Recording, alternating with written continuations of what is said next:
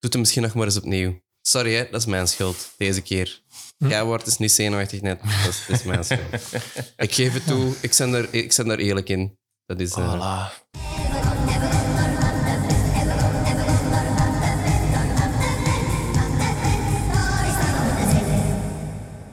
Goedemorgen, goedemiddag, goedenavond, of goedenacht, hè, wanneer dat je deze ook luistert. We zijn hier weer met een nieuwe podcast. Dit keer is het concept iets anders. We gaan dus vragen aan gasten welke strips ik zou moeten meenemen naar Ardennen op weekend en zeggen welke dat zij de beste strips vinden die ik zou moeten gelezen hebben. Daarom dat deze podcast ook de bij Van de Ven Stript podcast noemt.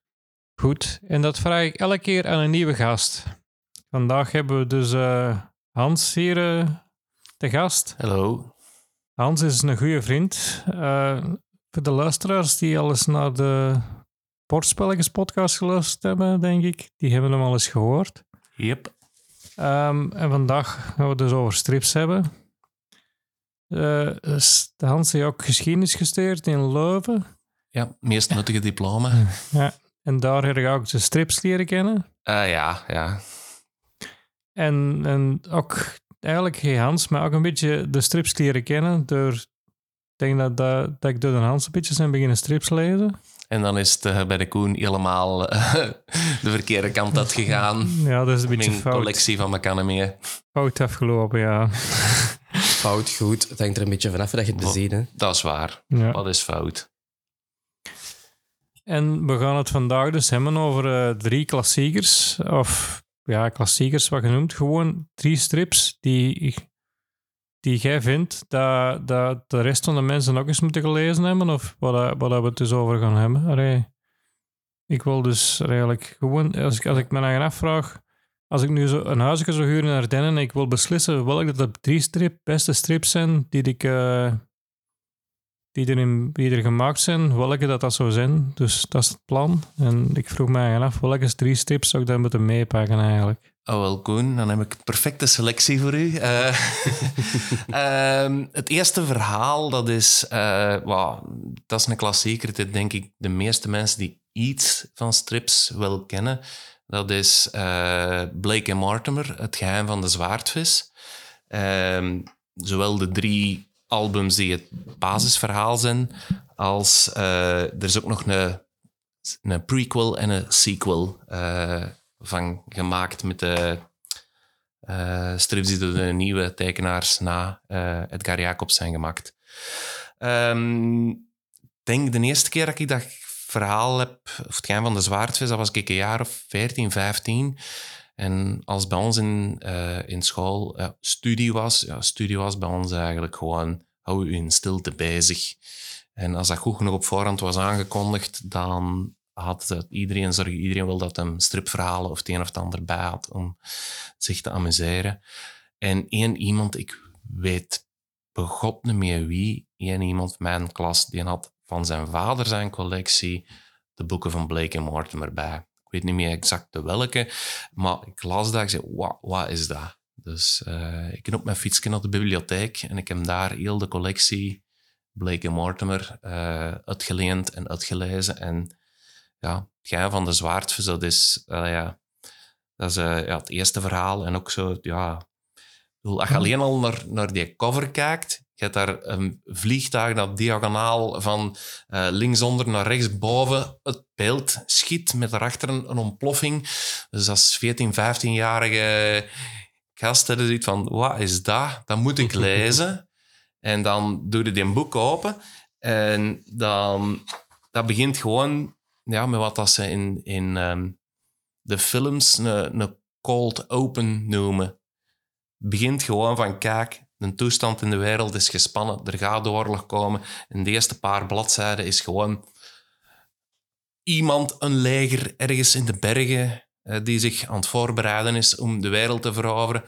Niks uitleg, niks Blake, niks Mortimer. Op een bepaald moment komt daar eh, eh, Ulrich in voor. Geen idee wie dat, dat is, maar voordat je het weet, het verhaal begint gewoon. Het is geen brave inleiding van deze is Blake, deze is Mortimer. Gewoon een cold open, bang, en je wordt gewoon ja, in het midden van de actie gegooid. Want Edgar Jacobs, die is ook tijdens een oorlog ge- geboren? eh, Of eh, ja, geboren niet, maar ge- geleefd. Die heeft een oorlog meegemaakt. Ja, sowieso. aan, Hè.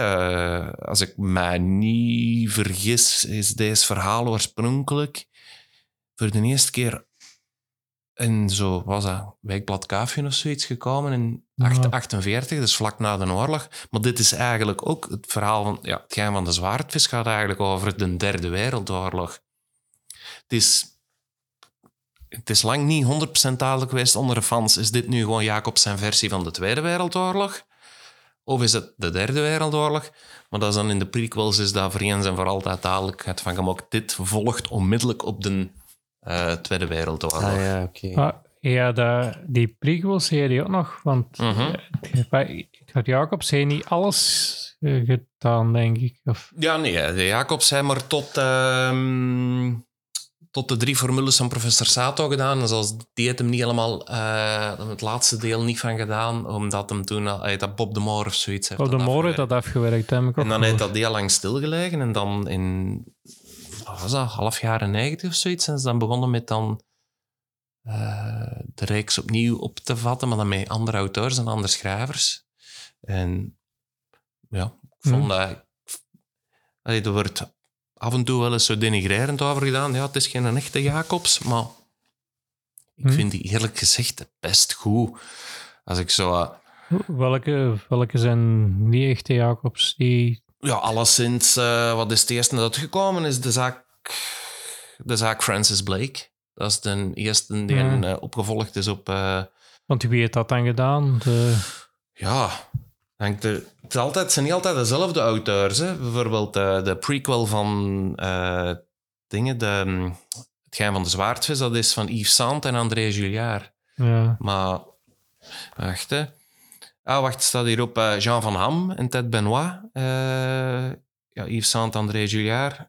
Jean van Ham, René Stern, eh, Jean van Ham. Allee, dus nog wel redelijk veel, allee, toch geen klein namen. Hè? Nee, nee, we zijn altijd wel redelijk... Ja, die daar... De goede naam, Scha van Hamme kent. Ja. Ja, voilà. En, en, en van die nieuwe verhalen, bijvoorbeeld het Voronov-complot, dat vind ik eigenlijk zeg je, het meest complete Blake Mortimer-verhaal qua genre. Ik Blake Mortimer is oftewel, ja, is altijd wel iets science fiction-achtig, iets avontuurachtig, iets mysterieachtig en iets spionageachtig. Dat zijn, denk ik, de vier dingen die altijd wel voorkomen bij, bij Edgar Jacobs. Ja, in het Voronov-complot zitten die allemaal in. Hè? Dus dat is... Ik vind dat persoonlijk heel goed gedaan. Maar ja, ook, en, en weet je toevallig dat de, ehm, de, de prequels en de sequels, dat er bijvoorbeeld ehm, nog verhalen zijn geweest dat Edgar Jacobs had, had opgeschreven? Dat nee, ze nee, daar nee, zijn nee, van- die of zijn is dat volledig, gewoon volledig, ja. origineel. Nee, nee, nee. Het enige wat dat Jacobs nog iets mee te maken heeft, is aan het, la- zijn het allerlaatste verhaal dat, eh, dat Bob de Moor heeft afgewerkt. Ah, ja, ja. ja, nee, maar het zou kunnen dat hij dan al een heel Want, want eh, tijdslijn of zo had Nee, nee, uitgedacht. nee, nee. Hoe dat, dat per puur per... eh, Dus dat is, als ik mij niet vergis, iets dat redelijk recent is gekomen. Dat uitgeverijen daar proberen een, een tijdlijn in te maken. Ah, ja, ja. Welk verhaal komt eerst en zo verder. Ja, want ik herinner de boeken eigenlijk inderdaad ook, ofwel van, van, van mijn ouders, van bij mijn thuis, en mijn vader die ook had, oftewel zelfs van bij mijn grootouders, Ja. dat die gelijk van mijn, van mijn onkels waren of zoiets, dat die waren gebleven. En Ah, ah, dat was inderdaad, gelijk dat je zegt, die cover, dat, dat spreekt eh, direct tot lezen aan. En eh, dat is inderdaad spanning van, allee, van wat ik me nog kan herinneren, want ik spreek ondertussen ook al wel over ettelijke jaren geleden. Ehm, dat ik het inderdaad ook altijd wel eh, redelijk boeiend vond. Dus, moet je toch nog wel eens een keer teruglezen. Ja, absoluut. Dus, voilà, de, de, interesse is al weer teruggeboeid. Vooral diegenen die, die, vooral diegenen die daar nu voor de eerste keer lezen, hou er rekening mee. Het gaan van de zwaardvis is 75 jaar oud. Eh, toen is dat voor de eerste keer weer had ge, eh, gepubliceerd. Dus, allee, in het wijkblad kwam, dus dat was nu nog niet een stripverhaal. Dus gelijk als vrouwen en dergelijke komen niet aan bod. Ik denk zelfs dat dat niet mocht volgens het toenmalige eh, censuur dat er was. Eh, ik weet niet, ik wil daar niet het over. Ja, Ehm, de dingen, het, het oorspronkelijke cover van het gele teken van Blake Mortimer, daar stond Mortimer met een getrokken pistool op. En Jacobs had die cover moeten veranderen. En Mortimer staat dan met eh, zijn hand in zijn, de zak van zijn jas. Omdat een getrokken pistool niet mocht. Ah, ja. Ik kan me precies herinneren dat ik inderdaad wel die cover met dat pistool wel herinner. Omdat het misschien een van de eerste dat kan, dat kan, geweest dat dat kan, ja, maar dat moest veranderd worden. Ja, ja. Dus ja. Nee, vrouwen en dergelijke komen er niet aan bod bij, bij Jacobs. En dan Zijn dat de eerste in de nummer? Het ge... zijn de allereerste. eh, Ja. En Ja, dan... Want hebben ze er tegenwoordig ook geen eh zwaar integrale versies van het gebracht? Denk waarschijnlijk. ik. hè, Dat je zegt van dat er een En aantal luxe versies en zo. die gebundeld waarschijnlijk. zijn. Ja, zeker dat er luxe versies van te vinden zijn. Allee, maar Mhm. ik ben zelf niet de luxe verzamelaar. Dat kost allemaal geld. Allee, ja, dat is, dat is- Ja, af en toe wel. Maar dat wil ze niet horen. Vooral in het verleden, zegt ik gewoon. Nee, Maar, maar ja, dus... ehm, Ja, ik vind het soms een, een beetje van mezelf, maar het dichtste bijste dat ik zo eens... eh is eh, Bob de Moor zijn zoon, dat is Johan de Moor. En Johan de Moor, die heeft ook nog strips uitgebracht. Eh, dat is de Kobe de Koe en ook nog andere strips met... eh, ja, hè? Ah ja. Maar dan deze eh, zoon ook nog van Johan de Moor, dat is een acteur, die is vooral bekend in het Waalse. Daar heb ik ooit mee in een Duitse film meegespeeld. Dus dat is mijn claim to fame, dat je zo stilletjes... Ik probeer altijd zo dicht mogelijk bij een artiest te geraken en zo kom ik er dan zo... zo noemt dat de Kevin Bacon... Ja. eh, ja, zoiets de Kevin Bacon. degrees of this... Wacht, hè. Nee, ik zit niet mee. Even. Er is in Hollywood, een, of, of in de filmwereld, ehm, ik weet niet dat ik het juist noem, en dat is dan Degrees of Kevin Bacon. Omdat Kevin Bacon in zoveel verschillende films heeft meegespeeld, dat iedereen, oftewel ooit al met Kevin Bacon zelf heeft meegespeeld, of één iemand kent die eh, met Kevin Bacon in een film heeft gespeeld. Ah Zoiets. ja, op die Hm. manier. Ja. Ik weet niet of dat ik het juist zeg, maar... nee, nee. Ja, het is, het is een stom beetje eigenlijk. Ja. Ja.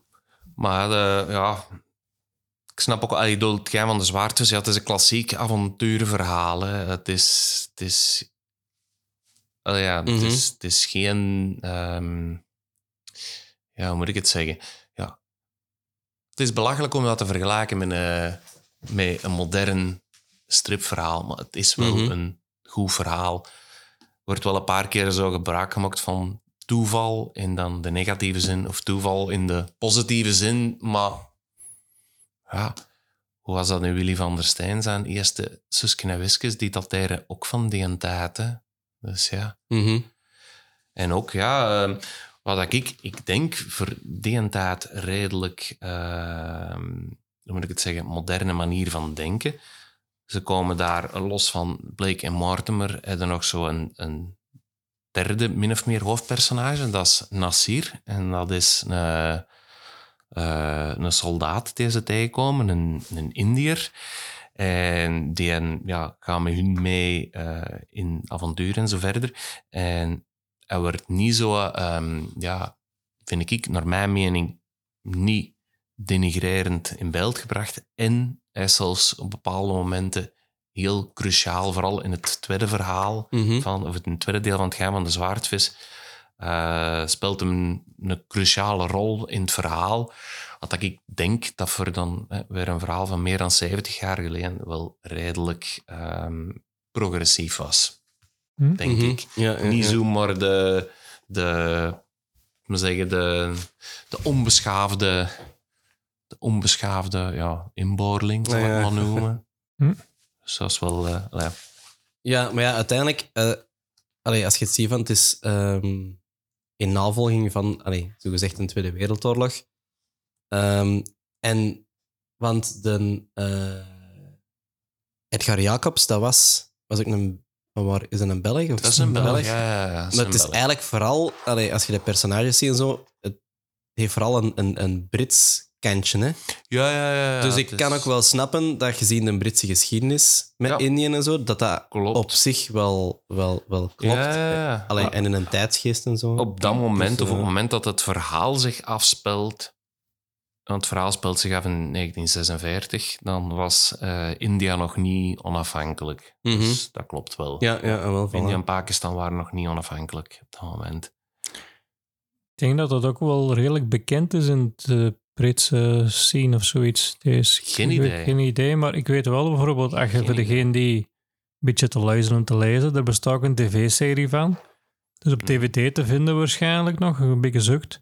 Maar gewoon op YouTube ben ik ook aan het zoeken geweest, daar staat de serie op. In het Engels ga je een beetje zoekt en in het Frans is het ook heel gemakkelijk te vinden. Maar Ah, oké, want ik was er straks, Hmm. als ik als van hier zo de plaatjes zie, denk ik van, allee, amai, als film of zo, zou dat toch wel Ja, schitterend zijn. nee. Ah, ik wist niet dat er een... eh, Is een het dan zo in, in serie van hetzelfde genre gelijk als zo de tekenfilmreeks van Kaafje?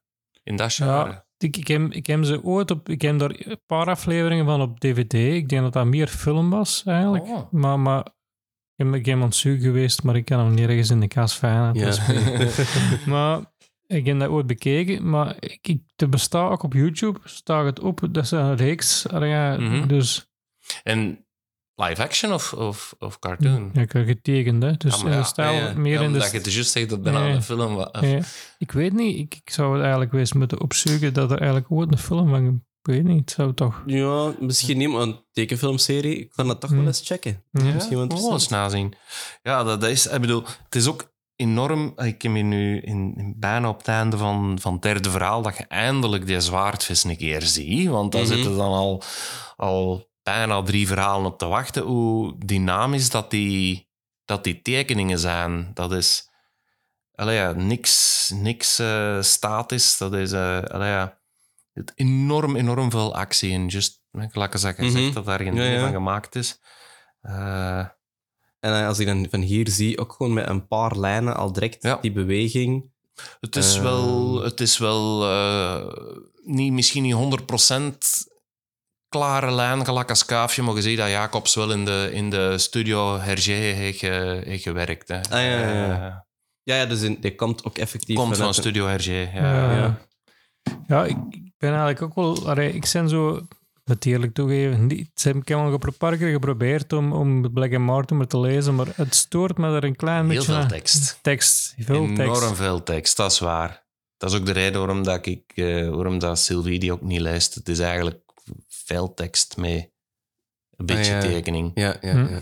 Nu, dat wordt wel, en vind ik wel goed, het wordt wel ook in de nieuwe verhalen van Blake en Mortimer ook wel doorgetrokken. Het blijft ook mee. Het is eigenlijk altijd zo heel beschrijvend. Zo, eh, eh, zo van, eh, eh, Mortimer kwam de kamer binnen en hij schrok. En dan eronder een tekening van Mortimer die de kamer binnenkomt en schrikt. Schrikt. Ja, ja. dus dat is, dat is wel typisch de, typisch de dingen, de, de stijl. Maar dat wordt in de nieuwe, in de nieuwe verhalen ook wel, vind ik, heel goed eh, ja, overgenomen. Ja, ja, maar ik denk dat het ook wel te maken heeft met de, de eh, vertelstijl van Ja. toen. Allee, zie naar, naar films eh 40, Klopt. 50 jaar geleden. Klopt. Daar, die, waren in onze ogen zijn die ook trager Mhm. en wordt er veel meer uitgelegd. Maar dat was gewoon omdat dat, wij zijn ondertussen gewoon aan die beeldtaal en wij zijn er ook veel sneller mee weg. Ja, tuurlijk. En ook als je Eh. bepaalde tropes zijn ooit moeten uitgevonden Mhm. worden. Hè? Ja, ja, voilà. Maar ook voor de geschiedenis eh, van Edgar Jacobs is er een... eh, misschien tegen dat de podcast uitkwam, al is dat al even geleden, maar hij is redelijk recent ook een boek uitgekomen, De Doemdromer. Ge- Geschreven en door ja, die Franse naam, dat kan ik beter aan hij vragen om het te lezen. Even kijken. Eh, François Rivière en Philip Wurm. Ja. En, en eh, ja, dat, dat, dat is dus een beetje de biografie eh, van, van Edgar Jacobs. Ook in de stijl getekend, natuurlijk. Als je de tekenaar Philip Wurm kent, dan weet ook dat dat zo is. Dat, ik ken daar nog strips van, maar ik ga niet, niet direct zeggen welke direct, maar ik weet... Maar dat is, ik vind dat een geweldig... Dat is de biografie ervan en, en, en getekend dan. En, en ik, dat een, ik heb hem nog niet gelezen, dat vind ik dus ook... Maar ik ben heel geïnteresseerd om dat te, te, te lezen, het verhaal. En, en ik weet ook dat... eigenlijk, als we hebben eigenlijk chance dat... eh, dat dat een striptekenaar geworden is, want dat was eigenlijk, Edgar Jacobs wou eigenlijk operazanger worden. Hè? Ja, klopt. En, en, en door, door toeval en dingen is hem dan toch strips beginnen tekenen en ik was benieuwd naar dat verhaal daarvan. Interessant. Allee, Mhm. ik, nee, nog weer een hele hoop nog bij op mijn stapel te, le- weet- te lezen. Oh, Ik weet dat Nee. hij een, dat hij een, dat hij Zoego verkocht in een boek en dat hij pas in tweede druk is gegaan en het voorwoord wordt geschreven door Ever Vermeulen. Dus dat Ah, vind ja. ik ook al... Ah. eh, Ja, ja, ja, ja. Ah, dat is ook wel tof. ja. De volgende keer als ik bij mijn stripboer kom, dan eh, zal ik mijn ogen open houden. Ehm, ja, en dan de, de, de- het verhaal van de zwaardvis. Ja, dat begint, laat gezegd, met een cold open. Er wordt daar geen uitleg gegeven. Waarom willen die aanvallen? Hoe willen die aanvallen? Wie is die Ulrik? Maar ze blijken die wel te kennen. Ah ja. En dan in een van de nieuwe verhalen, Staf van Plutarchus, speelt zich dan af in de Tweede Wereldoorlog. Waaronder dat ze dan eh, ontdekken van de bedreiging van het Mongoolse Rijk. Eh, ja, om een of andere reden vind ik ook raar. Ik denk dat Jacobsen eh, geografie niet 100% juist was. Want de, de slechterikken in eh, het gaan van het zwaard is het Mongoolse Rijk, maar ze zitten wel in Tibet. Oké, ja. Maar daar ontdekken ze dan van het Mongoolse Rijk. Daar komen ze dan ook Olrik tegen, weten eindelijk van hoe komt dat ze die Olrik kennen. Natuurlijk niet te veel zeggen, maar toch Mhm. een klein beetje... eh, klein beetje... eh, eh, niet te veel te spoilen. En ook daarin blijkt dan dat er... Ja, in het geheim van de zwaardvis, ja, het begint... De eerste keer dat je terug dat je overschakelt naar de hoofdpersonages, zitten die ergens in een gigantische geheime basis waar dat ze aan het werken zijn aan die zwaardvis. Daar moeten ze het vertrekken. Dat ontploft. Dat is ook de cover van het eerste verhaal. Mhm. Ehm, maar ook daar wordt gewoon niks context gegeven. Ik vind dat wel goed, persoonlijk. Ik, eigenlijk haat ik het als er in een verhaal eerst een heel hoop uitleg wordt gegeven. Gewoon een infodump, Mhm. terwijl dat je dat eigenlijk niet nodig hebt. Goh, er is een geheime basis en daar wordt gewerkt aan die zwaardvis, wat het ook is. Hier in, deze, in dit verhaal, in de, in de staf van Plutarchus, komt dan ook het dingen in voor. De, het feit dat ze die basis aan het oprichten zijn en die Ja, geheime ja. basis, een heel klein beetje context.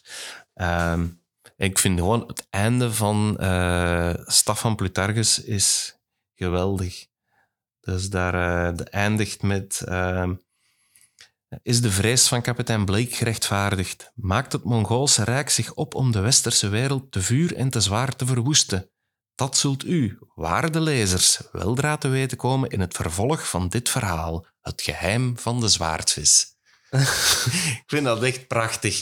Dat, dat is ook zo diezelfde, diezelfde stijl, eh waarde lezers. Ja, ja, ja. En dan En dan eigenlijk refereren naar de originele. ja, en het, het eindigt ook eigenlijk laatste moment dat een van de laatste prentjes van de staf van Plutarchus is Blake die met zijn vliegtuig vertrekt naar de geheime basis. De eerste keer dat je Blake tegenkomt in het geheim van de zwaardvis is het moment dat hem landt Ja, ja. in zijn vliegtuig. Kunnen ze, kunnen ze als in prequel en dan sequel lezen? Of zouden ze eigenlijk lezen als de sequel en dan als een, eh, een flashback? Wat zou het interessantste zijn? Een goeie vraag. Ik denk dat je ze... Ik denk dat je ze gerust wel kunt lezen in chronologische Mhm. volgorde. Dus eerst de staf van Plutarchus en dan aanvullend de, de drie zwaardvisdelen. Ja, want de, de, van de, de Zwaardvis, dat zijn, dat zijn meerdere boeken, maar Staf van Plutarchus is, Is er maar één, eentje. Ja. Ja. Ehm, dat kun je gerust zo doen. We moeten natuurlijk een klein beetje rekening mee houden dat een tekenstijl veel Ja, ja. Ja, nee, maar ik wil vooral aan zeggen dat er qua verhaal niet ergens Dat iets gaat. gespoild wordt. Nee, of, nee, dan- referenties zijn dat je dat mist. Nee, nee, nee. Er wordt gewoon opgebouwd naar het ding. Ja, ja. Was ook trouwens blijkbaar een grote commentaar. Oh, er zit een fout in. Yves Saint met de, met de staf van Plutarchus heeft een fout gemaakt. Want ehm, Blake leert Ulrik kennen in de staf van Plutarchus. En in het geheim van de zwaardvis kent hem die niet. Dus dat kan niet. De chronologie, dat, dat, dat is Mhm. niet juist. Ja, het is blijkbaar Jacobs die een fout heeft gemaakt. Want in, ik denk deel 1 van de zwaardvis, ehm, zijn ze op een bepaald moment, ehm, is Blake op een bepaald moment eh, aan het spioneren, eh, zo met een verrekijker. En dan herkent Blake door de verrekijker Ulrich. Dus in deel 1 van het geheim van de zwaardvis kent hem Ulrich. In deel 3 van het geheim van de zwaardvis vraagt hem aan Nasir om Ulrich te beschrijven, want dat had Ulrich nog nooit gezien. Ah ja, Dus dus het zal inderdaad wel Jacobsen zijn geweest. het is Jacobs die een, een, een chronologisch foutje heeft gemaakt. Dus ja, eh, wat mij betreft, hij bleek Mhm. Ulrich tegengekomen Ja, ja, in de ja. van Plutarchus. Eh, en kent hem nog. En dan heeft hem blijkbaar een kort geval van geheugenverlies gehad, want in het derde verhaal van een, de, eh, van de zwaardvis kent hem hem plots niet meer. Of het kan een test zijn om te zien dat, een, Ja, eh, ja, ja. dat eh, wat is het dan, Nasir Nasir, de juiste persoon voor Ja. je of zoiets. Dat zou ook kunnen, hè? Nee, het is dadelijk van Ah, beschrijf mij, want ik had me nog nooit gezien. Dus Ah, het is ja, een- en dan het laatste ding, ja, de laatste zwaardvis. Ja, dat is dan eh, een van de meest recente verhalen die is uitgekomen. Eh, ook van de, de nieuwe reeks. Dat is eigenlijk een heel goede verklaring. Ja, de zwaardvis is een waanzinnig wapen. Waarom dat dat na de drie zwaardvisverhalen eigenlijk nooit nog wordt eh, gebruikt. Ah ja. En dan ja, de laatste zwaardvis, ja, de titel zegt het zelf, Mhm. rond het af. Het is eigenlijk ook veel, dit is eigenlijk meer een, een old-fashioned spionageverhaal, waar dan ook eh en passant wordt uitgelegd wat dat er met de zwaardvissen is Ja, ja, gebeurd. Dus dat, is, eh, dat is echt meer het klassieke eh, spionageverhaal.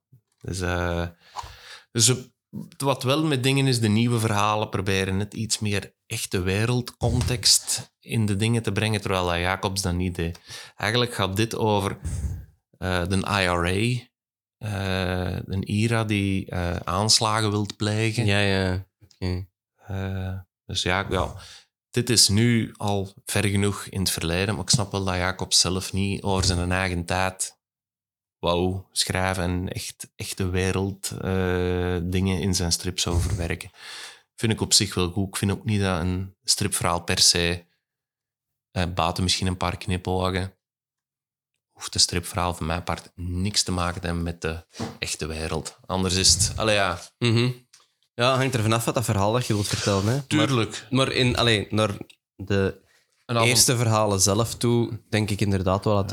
En een avonturenverhaal, dat is... Allee, ja, ik lees in ieder geval niet... Als ik, zou zeggen, als ik lees in het algemeen, niet alleen een stripverhaal, is het om even in een andere wereld te zijn. En allee, ja. Mhm. Ja. Ergst- het ergste Ja. soort films vind ik het soort films dat begint met gebaseerd op een waar gebeurd verhaal. Nee, ik wil geen film die gebaseerd is op een waar gebeurd verhaal. Mag ik die laatste album nog eens even zeggen? Tuurlijk, dat. Er zijn er soms wel goede bij, hè? maar allee, wat, dat terzijde. Kan goed zijn. Dus, dus kunnen we nog even zeggen, de volgorde, hoe dat je dat leest dan? Ah, wacht. Dat eh, momentje, want daar, eh, daar is eh, inderdaad wat discussie over, maar die, dat kun je wel vinden online. Ehm spijt genoeg meestal in het Frans. Dus als je chronologie Blake en Mortimer, of Blake E. Mortimer op zijn Frans, invoert op uw favoriete zoekmachine, gaat je, ehm, gaat je wel sowieso uitkomen op websites van uitgevers of van de uitgever of fora waarin dat de oude verhalen en dan de nieuwe verhalen daartussen, in welke volgorde dat je ze moet lezen.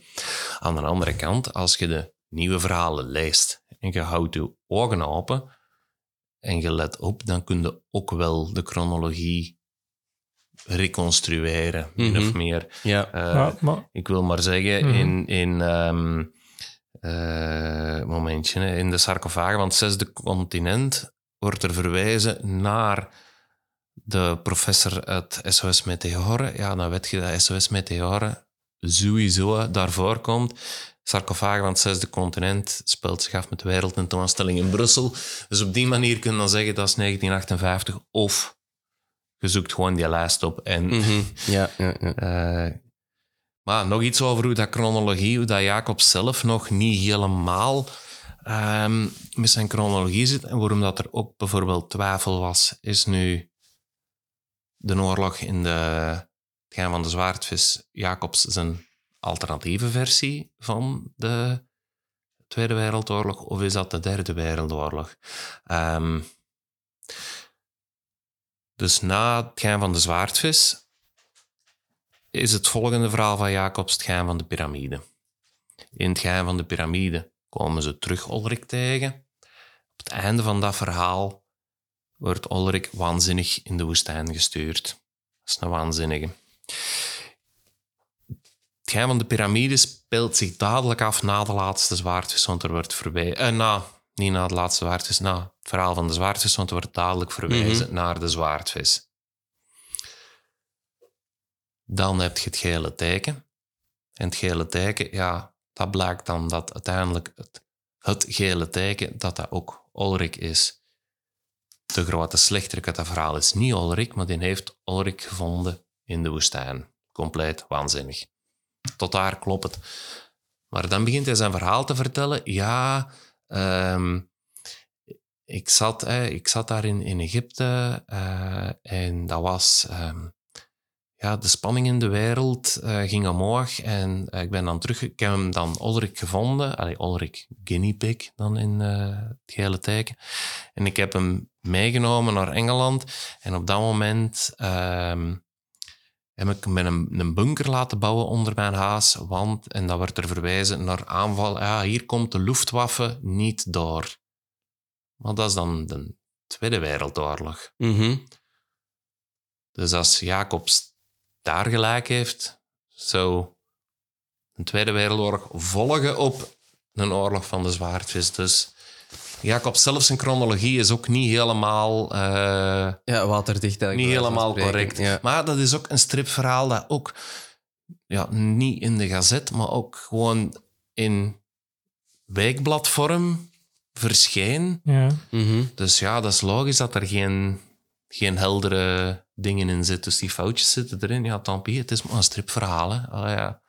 Dat moest ook aan een bepaald tempo in de weekbladen. En, en Natuurlijk dat. Hetzelfde met, met, met Van der Steen of Slijn, die alle dagen een, een, een, een prentje in de, in de gazet moesten krijgen. Hè. ja, dat, dat, dat vond ik nog erger. Op waanzinnig tempo. Hè. Ja.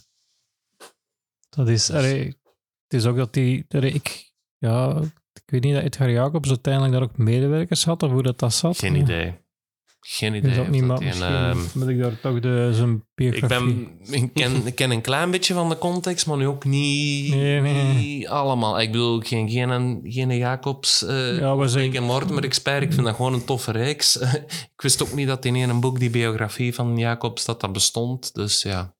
Maar We kan, niemand is die expert, hè, maar het is toch om over nerdy dingen te praten. Ja, dus Tof dat- voor sommigen, hè. Ja.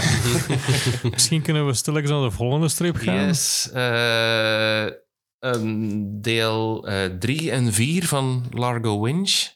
Ja. OOB Business Blues. Ehm, ik heb Largo Winch... ehm, ja, Largo Winch... Ik heb op een bepaald moment zat er bij de Gazet van Antwerpen deel 1 van Largo Winch zat gratis bij de Gazet. En mijn grootmoeder had altijd de Gazet van Antwerpen.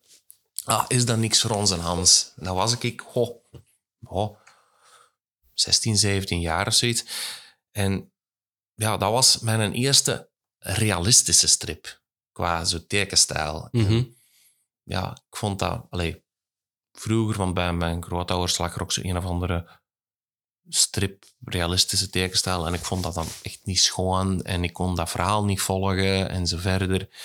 Dan nu met die Largo Winch, ik zei, wow, gratis verhaal, ik zal het eens lezen.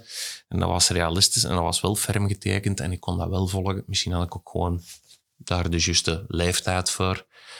Ehm, en dan ben ik die onmiddellijk gaan eh, kopen eh, in een stripwinkel in Geel, in de Nieuwstraat. Want alles wat hiervan, waar dat wij ons strips haalden in de Gens, daar hadden ze dat niet. Nee. Daar hadden ze een zusje, een wisje, een jommeke en een kiekeboe en een banes. En that's it. Maar niks Largo Winch. Dus dat was dan de eerste keer aan een echte stripwinkel. En ehm, ja, voor diegenen die totaal niet weten eh, wie of wat Largo Winch is, dat is, eh, ja, de tagline is de miljardair in Spijkerbroek. Dus eh, de eerste twee verhalen eh, erft Largo Winch ja, een zakenimperium, maar hij is helemaal niet de klassieke businessman, de miljardair in Spijkerbroek. Hij komt van die een avontuur in het ander. Ehm, en de eerste twee verhalen is nog redelijk klassiek avontuur en dan heb je zo, eh, wel spannend. Er zit eh, een serieus mysterie in. Ehm, en dan, eh, ja, basically, het mysterie in deel 1 en 2 is wie wil Largo Winch dood doen? Is een thema dat wel in meerdere verhalen van Largo Winch voorkomt. Maar dan heb je eh, deel 3 en 4, want de verhalen van Largo Winch zijn altijd in eh, twee delen. Ehm, OOB Business Blues. Ehm, en wat ik daar geweldig aan vind, ja, je had eigenlijk, kon je mee als tekenaar, denk ik, met Largo Winch, je hebt een personage, is een miljardair, jong, knap. Je kunt die in principe alles laten doen. Het feit dat hij zoveel miljarden op zijn bankrekening heeft staan, is een excuus om die alles te laten doen. Je kunt in heel de wereld rondsturen. En hier hebben ze gewoon OOB, Business Blues, is puur een zakelijk verhaal. Dus puur de, de financiële businesszijde van het dingen. Want Largo Winch zegt, ik ga mijn zakenimperium zelf besturen. In plaats van dat door mijn directeurs te laten doen. En het is echt knap hoe dat je met een ehm, puur droog businessverhaal, een overnameverhaal, zo'n ongelooflijk spannend verhaal kunt maken. Dat getuigt, vind ik, qua de... de het is ook Jean van Hamme die, het verhaal heeft geschreven. Eh, dat getuigt, maar hoe, hoe, een goede schrijver dat, dat Jean van Hamme is. Het is... ehm, Ja, ik denk... Ja, ik weet niet wat Sja van Hamme... Als hij met Largo Winch begon, wat hij toen al veel gedaan had. Maar dus... Ja, die heeft ooit eerst die boeken van Largo Winch geschreven, maar dan boeken, boeken voordat er Ja. verhalen zijn van gaan. Ah, zijn er echt nog boeken van geweest? ja, ook? Ja. maar lang, lang, lang daarvoor. En hij heel lang in de koelkast gelegen, spreekwoordelijke Ja, ja. Ik koelkast. denk dat je die zoekt, dat daar echt collectors items zijn. Denk ik Ah, ook. amai. Dus ik heb geen idee in hoeverre dat het verhaal OOB Business Blues al bestond daarvoor. Maar het stripverhaal is... eh, het is enorm... Allee, het is... Het is eh, ja. Even time-out, hè. Wat, hè? Ja. Ik denk dat ik precies heel veel hetzelfde aan het zeggen. Ah ja, maar anders zal ik er even op inpikken. Mhm. Omdat ik, ik heb sowieso, denk ik, Largo Winch ook door u leren kennen. En het is inderdaad, gelijk dat je zegt, er zijn inderdaad een aantal allee, van dus de, de dubbelverhalen, er al, allee, als ik het zo mag noemen, ehm, die dat inderdaad soms puur over de zakelijke kant gaan. Maar die, eh, dat blijft inderdaad interessant en eh, ja, je blijft lezen en, en blijft je boeien en zo. Ehm, ook in de, de latere eh, Mhm, klopt. reeksen die er zijn. Ehm allee, ik ben er ondertussen door tijdsgebrek ook allemaal mee gestopt, maar Ja, de, Ehm. de wet van de dollar en de, het vervolg erop. Dat is ook weer twee verhalen die puur enkel over Mhm. ja, de, de harde businesskant van de, van de zaak gaan. Ik, bij mij speelt Largo Winch toch altijd echt een actiefilm ook eigenlijk. Ja, de films zijn inderdaad veel meer actie, terwijl dat eigenlijk feitelijk was dat zelfs niet, niet, niet nodig. Ik wil, het, Eh, ik wil het niet echt over de films hebben betrekken, maar ik vind dat leest toch als een actiefilm. Dat leest Mhm. inderdaad gelijk een actiefilm. Het is heel, heel dynamisch Mhm. getekend. eh, ook, Mhm. Het is heel filmisch getekend, vind ik.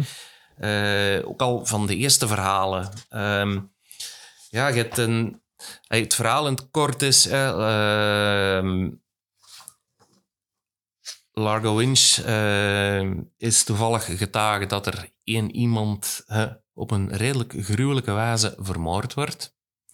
Dus uh, hij wordt neergeschoten met een soort pijl en boog.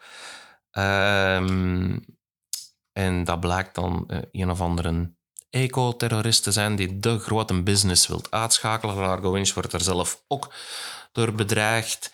Um, dus je denkt, het gaat daarover. Komt er ineens de belastingen intussen. De belastingen die zeggen, hey Largo Winch, jij moet nog erfrechten betalen. Uh, ongelooflijk gigantisch hoog bedrag. Maar door fiscale constructies bezit Largo Winch niets in Amerika. Dus kan er ook niks beslag worden gelegd.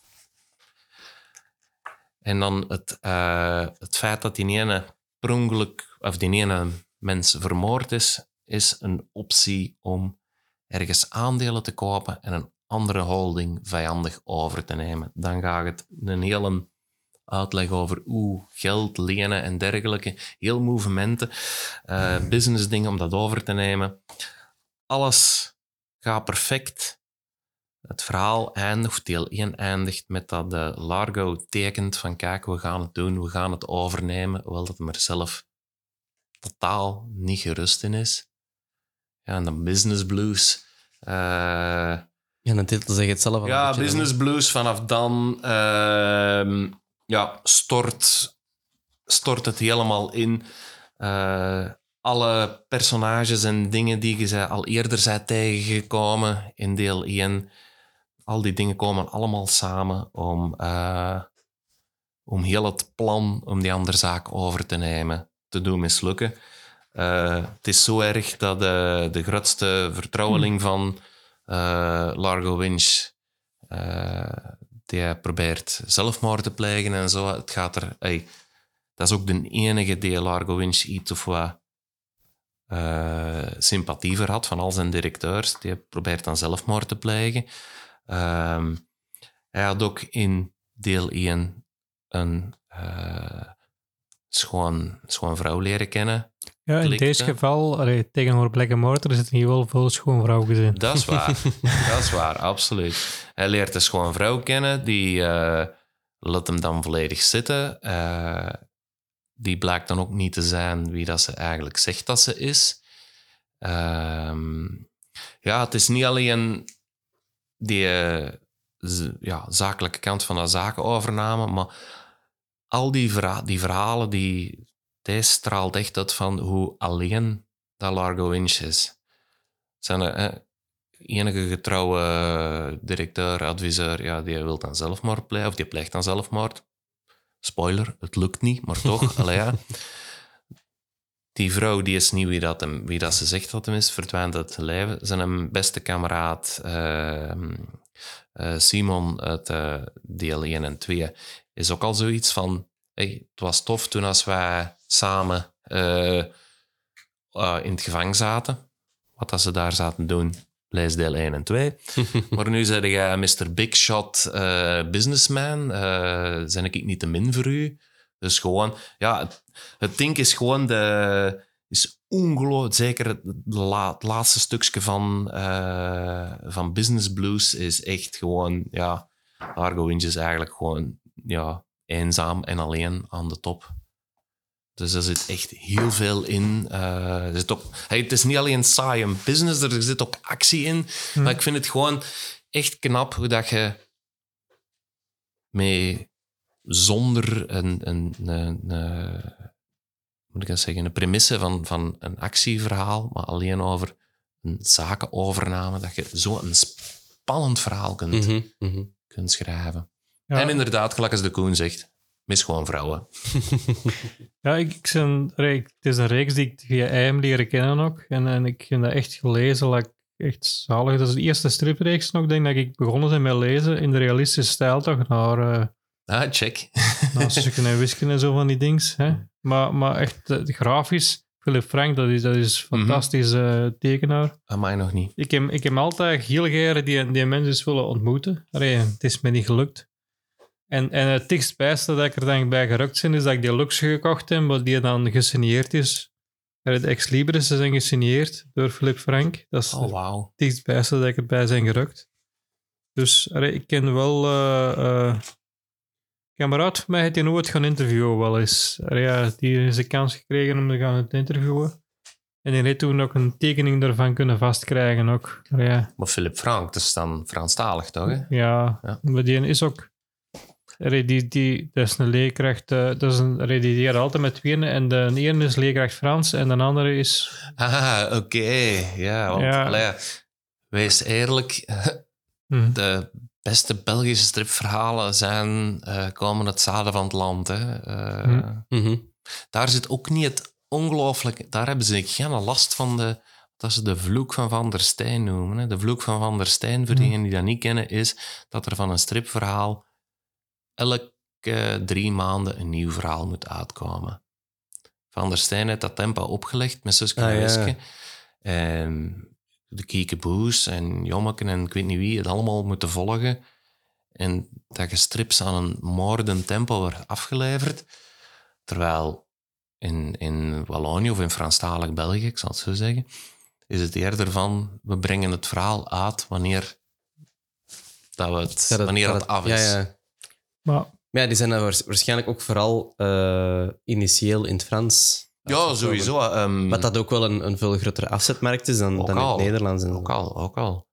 Ja, voor zelfs de volgende reeks, dat is getekend door een Vlaming, maar komt wel eerst uit in het Frans. Ah, ja, we zullen eerst even verder over Want ja, we waren juist ook even bezig. Je Ja. even aangehaald van eh, de film.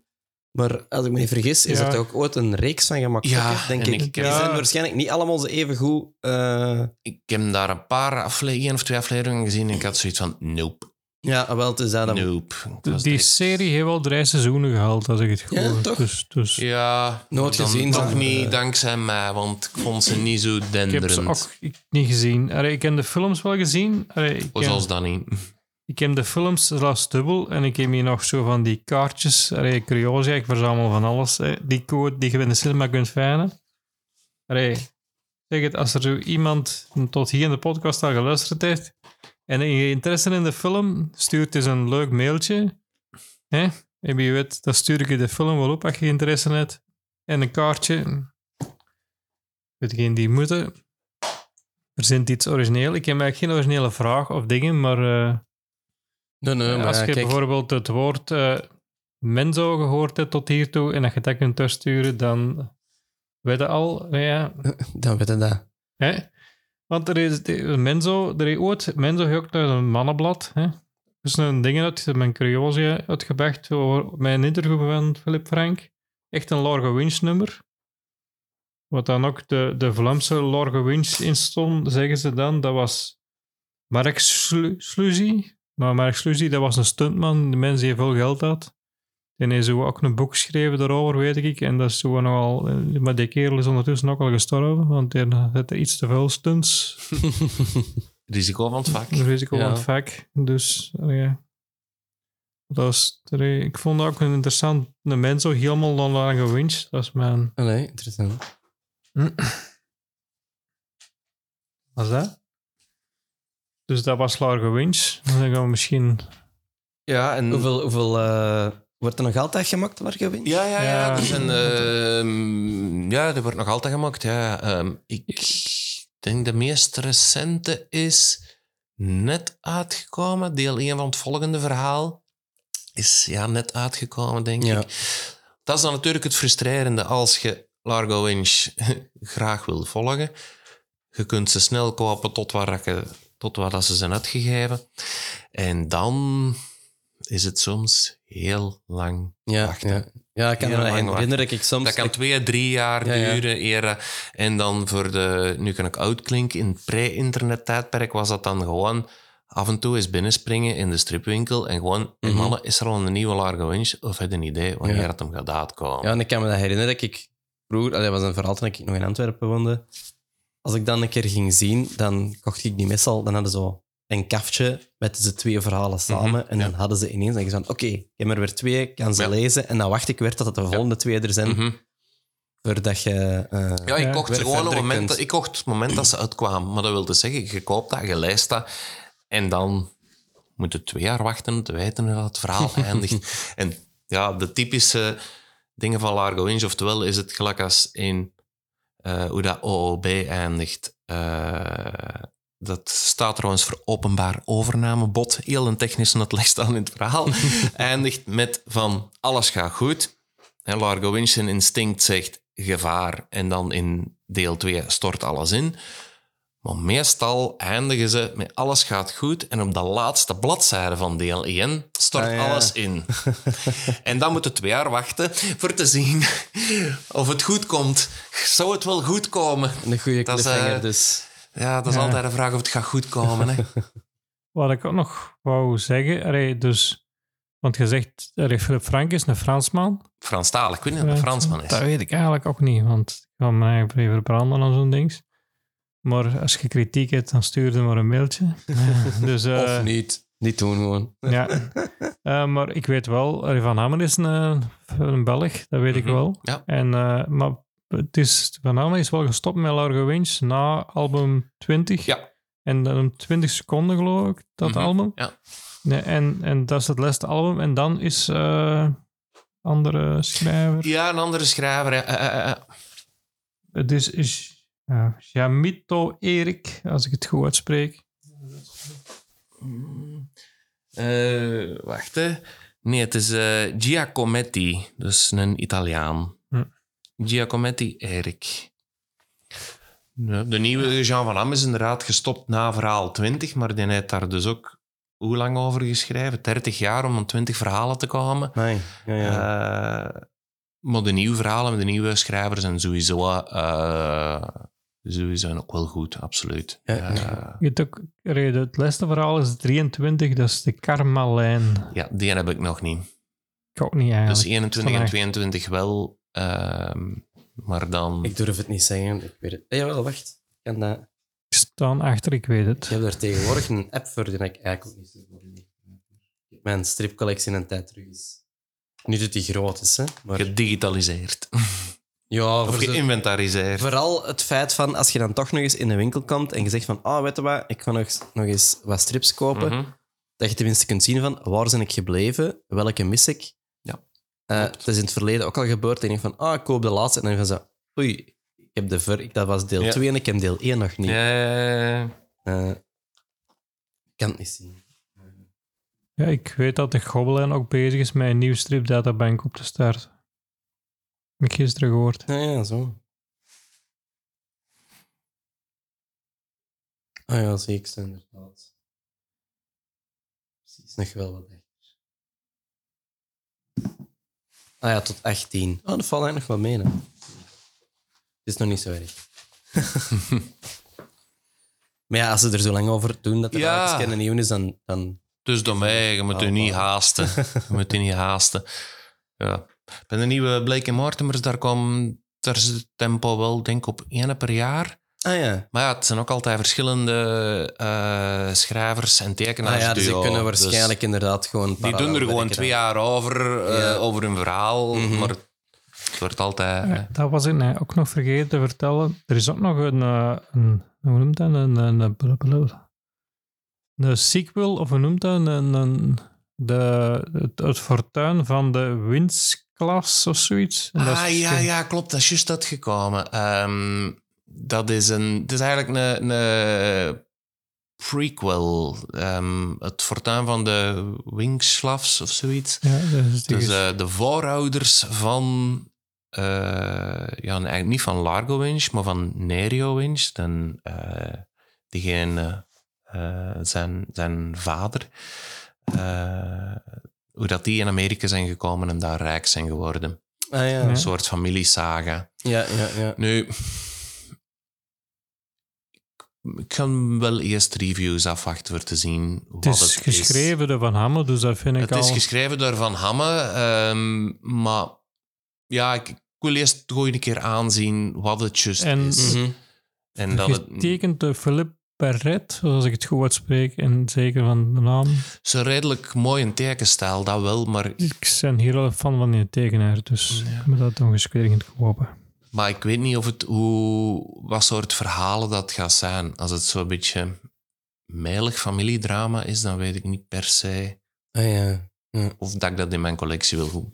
Is Mhm. natuurlijk. Maar ja, Want als dan je lijkt weet dat het van Hammen is, Ja, ik weet dan het. zou ik je toch het. denken dat... Allee, Maar dan kan het nog het meilig, familiedrama zijn. Hè. Ehm, dan, dan is het... ehm, en het is ook een tekenstel die totaal niet lijkt op de eh Ah, Largo Winch oké. verhalen. Ehm, dus ja, ik ga even afwachten of het de mhm. moeite is of dat het zo'n beetje het melken van de reeks is. Ja. ja, ja. Dus ja, we zullen wel zien.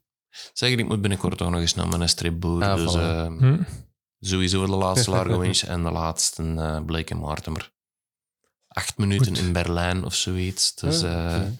Berlijn, Koude dat is Oorlog. misschien al een goede insteek naar het volgende. Berlijn is inderdaad misschien een goede insteek naar het volgende. Eh, ja, mijn laatste verhaal, dat is ehm, eerste kwartier en nieuwe maan van eh, Dallas Bar. Eh, deel 3 en 4. Toevallig ook van de reeks Dallas Bar. Ehm, die reeks heb ik eigenlijk leren kennen met ehm, de Humo. Mhm. Er is ooit een Humo uitgekomen, Humo 3000, een gigantische Humo, waarin uiteraard van alle stripverhalen stonden ter ere van eh, Humo en Guy Mortier. En daar stond één stripverhaal dat zich afspeelt in het jaar 3000. En dat is zo één blad en dat is een Largo Winch, eh, pardon, een eh, Dallas Bar verhaal. Je kunt even zien dat ik het kan opzoeken. Dus enkele bladzijden. eh, en is dat het, album gewoon uit de strip? Of is dat een, dat een is iets speciaal dat gemaakt? Marvano speciaal getekend heeft voor, eh, voor eh, de Humo eh, 3000. Ah ja, dus het is niet iets dat in de strip al voorkomt. Het is Nee. echt specifiek. Specifiek daarvoor getekend. Hmm, Het gaat er, komt er eigenlijk op neer dat ehm Guy Mortier in het jaar 3000 een, eh, nog overblijft als een computerprogramma en een nieuw lichaam zoekt. En Lord Styleman en eh, Dallas Bar eh, kunnen hem daarbij helpen. Dus het is een volledig ehm, origineel verhaal, gewoon twee bladzijden. Maar ik vond het enorm fascinerend als ik dat voor de eerste keer las. ook knap getekend.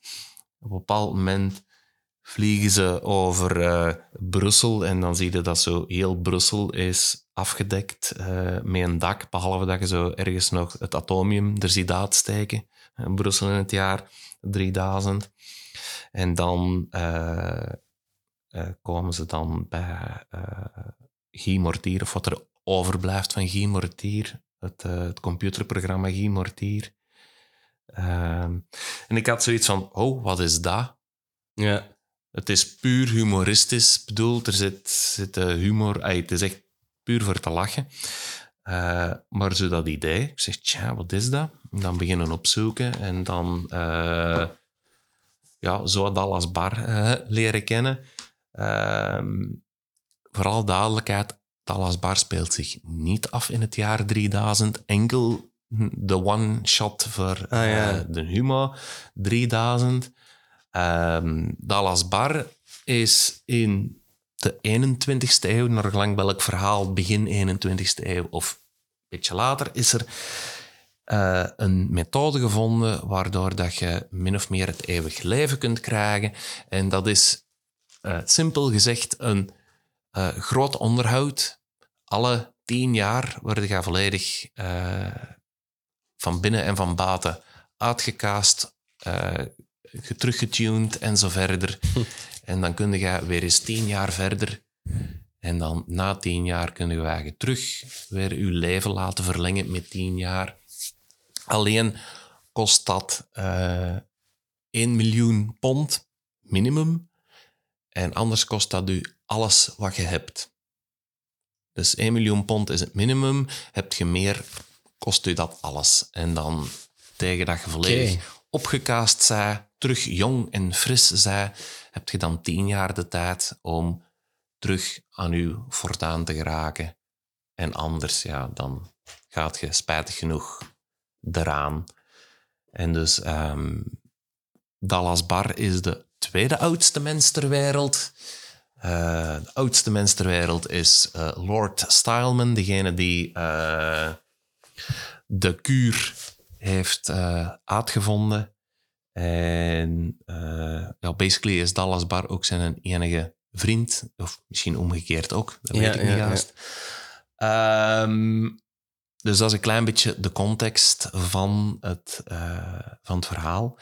Ja, het is uiteraard science fiction, maar ik vind, los van het feit, de kuur die je alle tien jaar je eigen kunt Mhm. eh, verjongen, is het redelijk realistisch. Het speelt zich af, het eerste verhaal speelt zich af in het jaar 2070, 2075. Ik ben niet 100% zeker. Mhm. Maar ik vind dat nog wel een...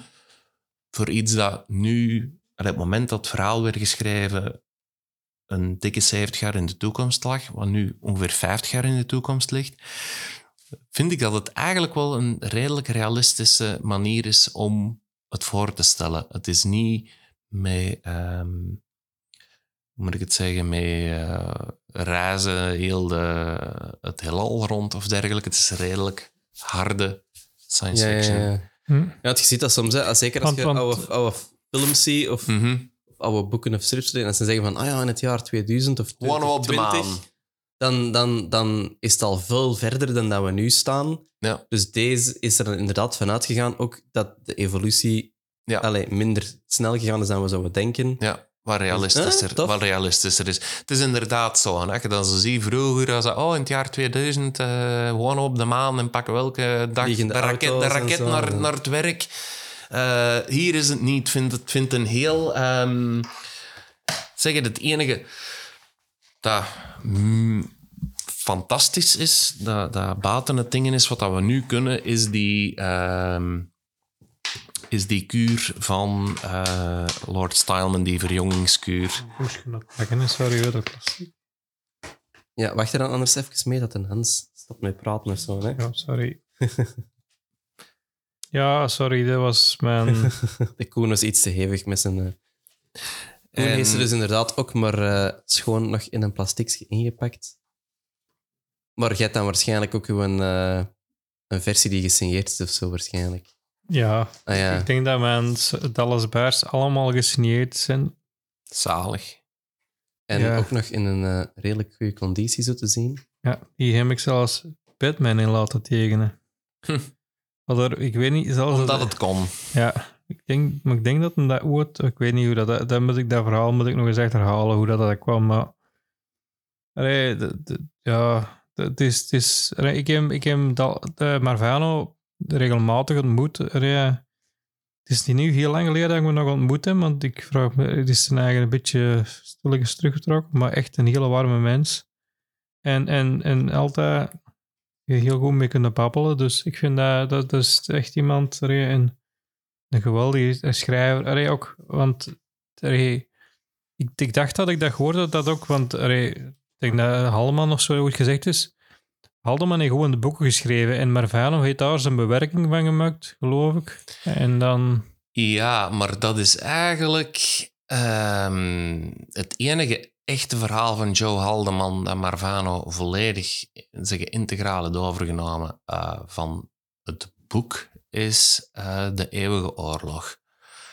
Joe Haldeman heeft een verhaal geschreven, Buying Forever, wat dus eh, min of meer het eh dingen is, dat is ook de Engelstalige Ah, titel de- van de- Dallas Bar. De premisse van Dallas. Ja.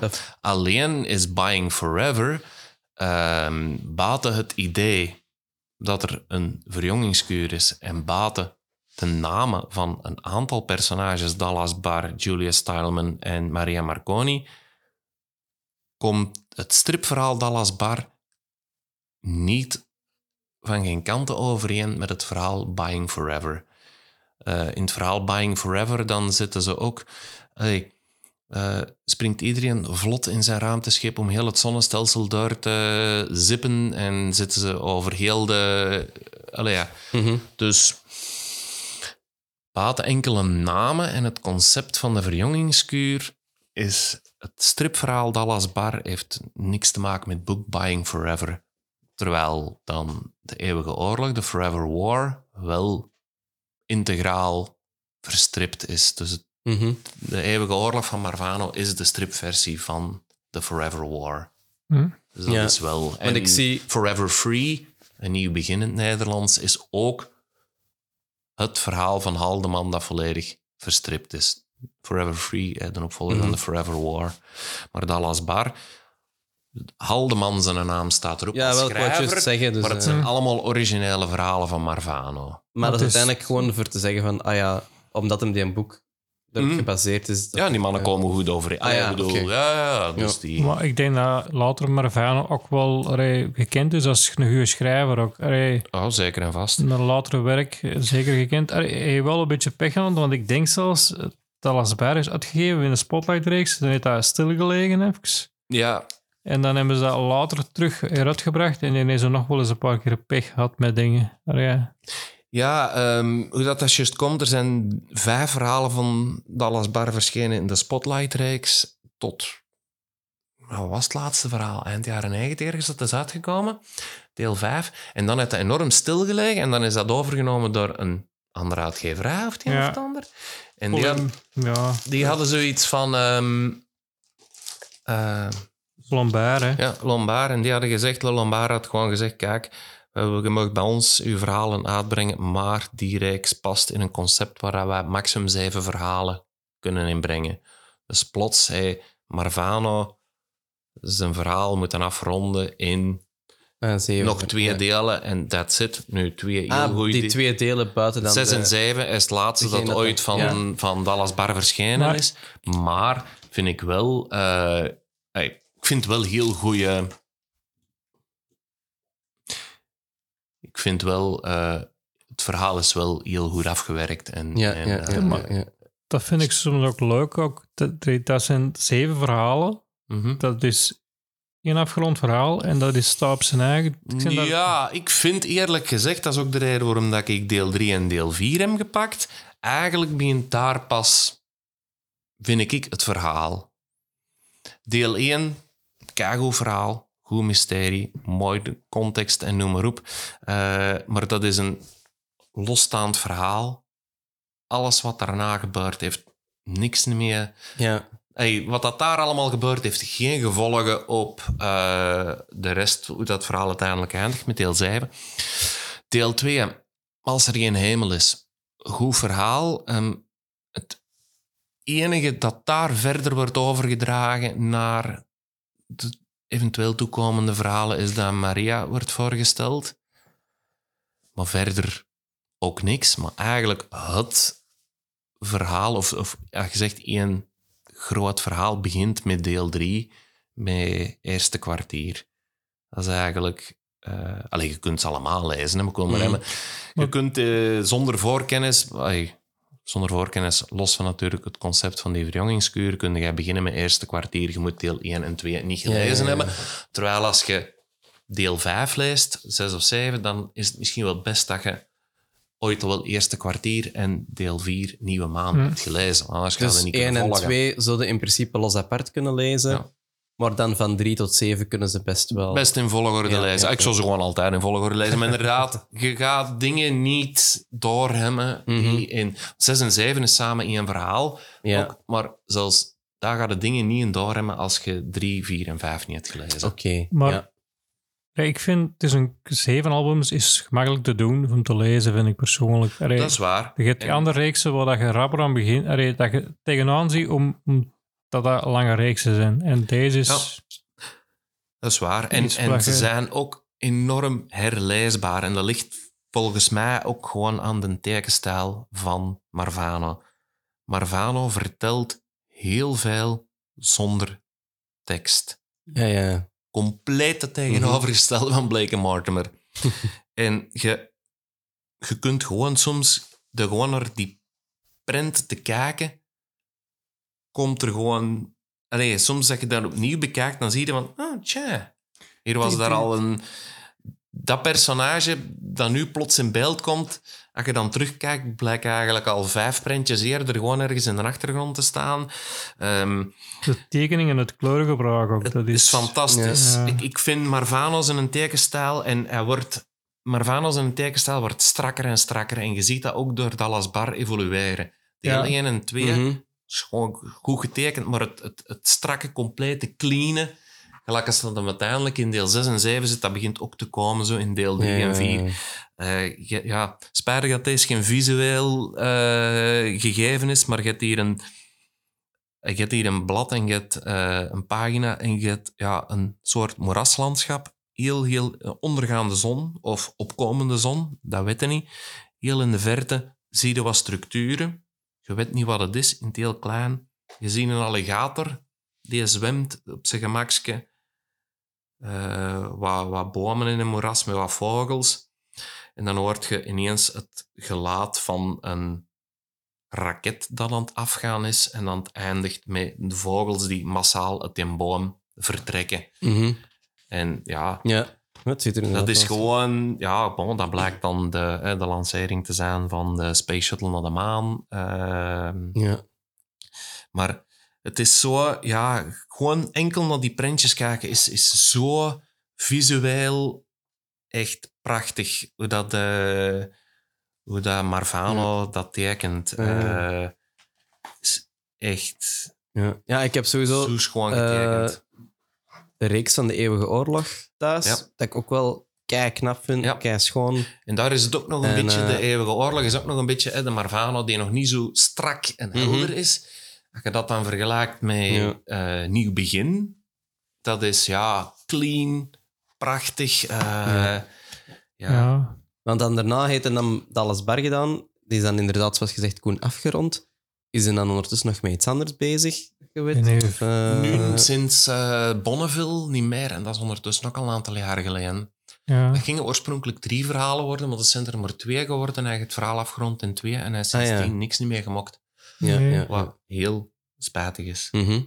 Ja, de- ik zeg het, hij is zijn eigen een beetje teruggetrokken en ik weet het niet. Wat er eh, is, is- er is weinig over geweten momenteel hoe dat is. Maar echt, het is bij mij echt ook een vakman en een Ja. meesterman, meesterwerker, Ja, eh, moet ik zeggen. ongelooflijk. Ja. Nee, Dallas Bar, ik heb de naam al wel een keer gehoord. Ik ken het zelf nog niet, maar als ik inderdaad nu zo eh, al zo aan meekijk, Ja, ik, ik, zie het er inderdaad wel eh, heel interessant uit. En eh ik ga Je zeker je- toch wel ja. eens checken. Natuurlijk, Marvano zijn, vindt een realistische toekomst is wat je kunt doen, maar je kunt als tekenaar niet met alles rekening houden. Ehm, in eh, Nieuwe Maan, deel 4, wordt er een aanslag gepleegd tegen een eh, wolkenkrabber in New York. Maar op de achtergrond ziet je nog wel het World Trade Center staan. Eh, Ah, ja. Ik denk dat deze verhaal 99 of 2000 is dat dat is uitgekomen. En, ehm, en daar staat er dan... eh, Het dodental van de aanslag op de Tex-Mex Store in New York is ondertussen opgelopen tot meer dan 400. En dan, ik weet niet meer waar, ergens in een interview of zoiets heb ik gelezen dat dan een uitgever toen zei... Marvano, 400 toyen bij een aanslag op, op een wolkenkrabber, is dat niet wat overdreven? Tot Ja. dan 11 september 2001. Eh, dus ja, en dat waren er wat 5000. Dus ehm, het was niet overdreven. Nee, ehm, de ehm, eerste kwartier, nieuwe maan, ja, het is niet alleen een eh, goed verhaal, er zit ook weer een, een goed mysterie achter, achter. Er wordt ook redelijk veel aan, aan worldbuilding gedaan. Je leert veel meer kennen van de wereld van, eh, waarin dat alles zich afspeelt. Of de toekomst waar dat alles bar zich afspeelt. En gelijk als de eh, namen het zeggen, eerste kwartier en nieuwe maan, eigenlijk ook effectief met de maan te maken. ja, ja, ja. Ehm, wat dat eigenlijk een spoilers, spoiler alert voor diegenen die niet eh, gespoild willen worden, ehm, is eigenlijk een eh, complexe manier om de machtigste man op aarde, Lord Styleman, af te persen door, eh, wordt afgeperst door de machtigste man op de maan in de bedoeling dat de maan een of andere vorm van onafhankelijkheid zou kunnen krijgen van aarde. Ehm, doordat het, en dat wordt ehm, gedaan door ehm, enkele. Dat begint eigenlijk het verhaal mee. Eh, er worden aanslagen gepleegd op ehm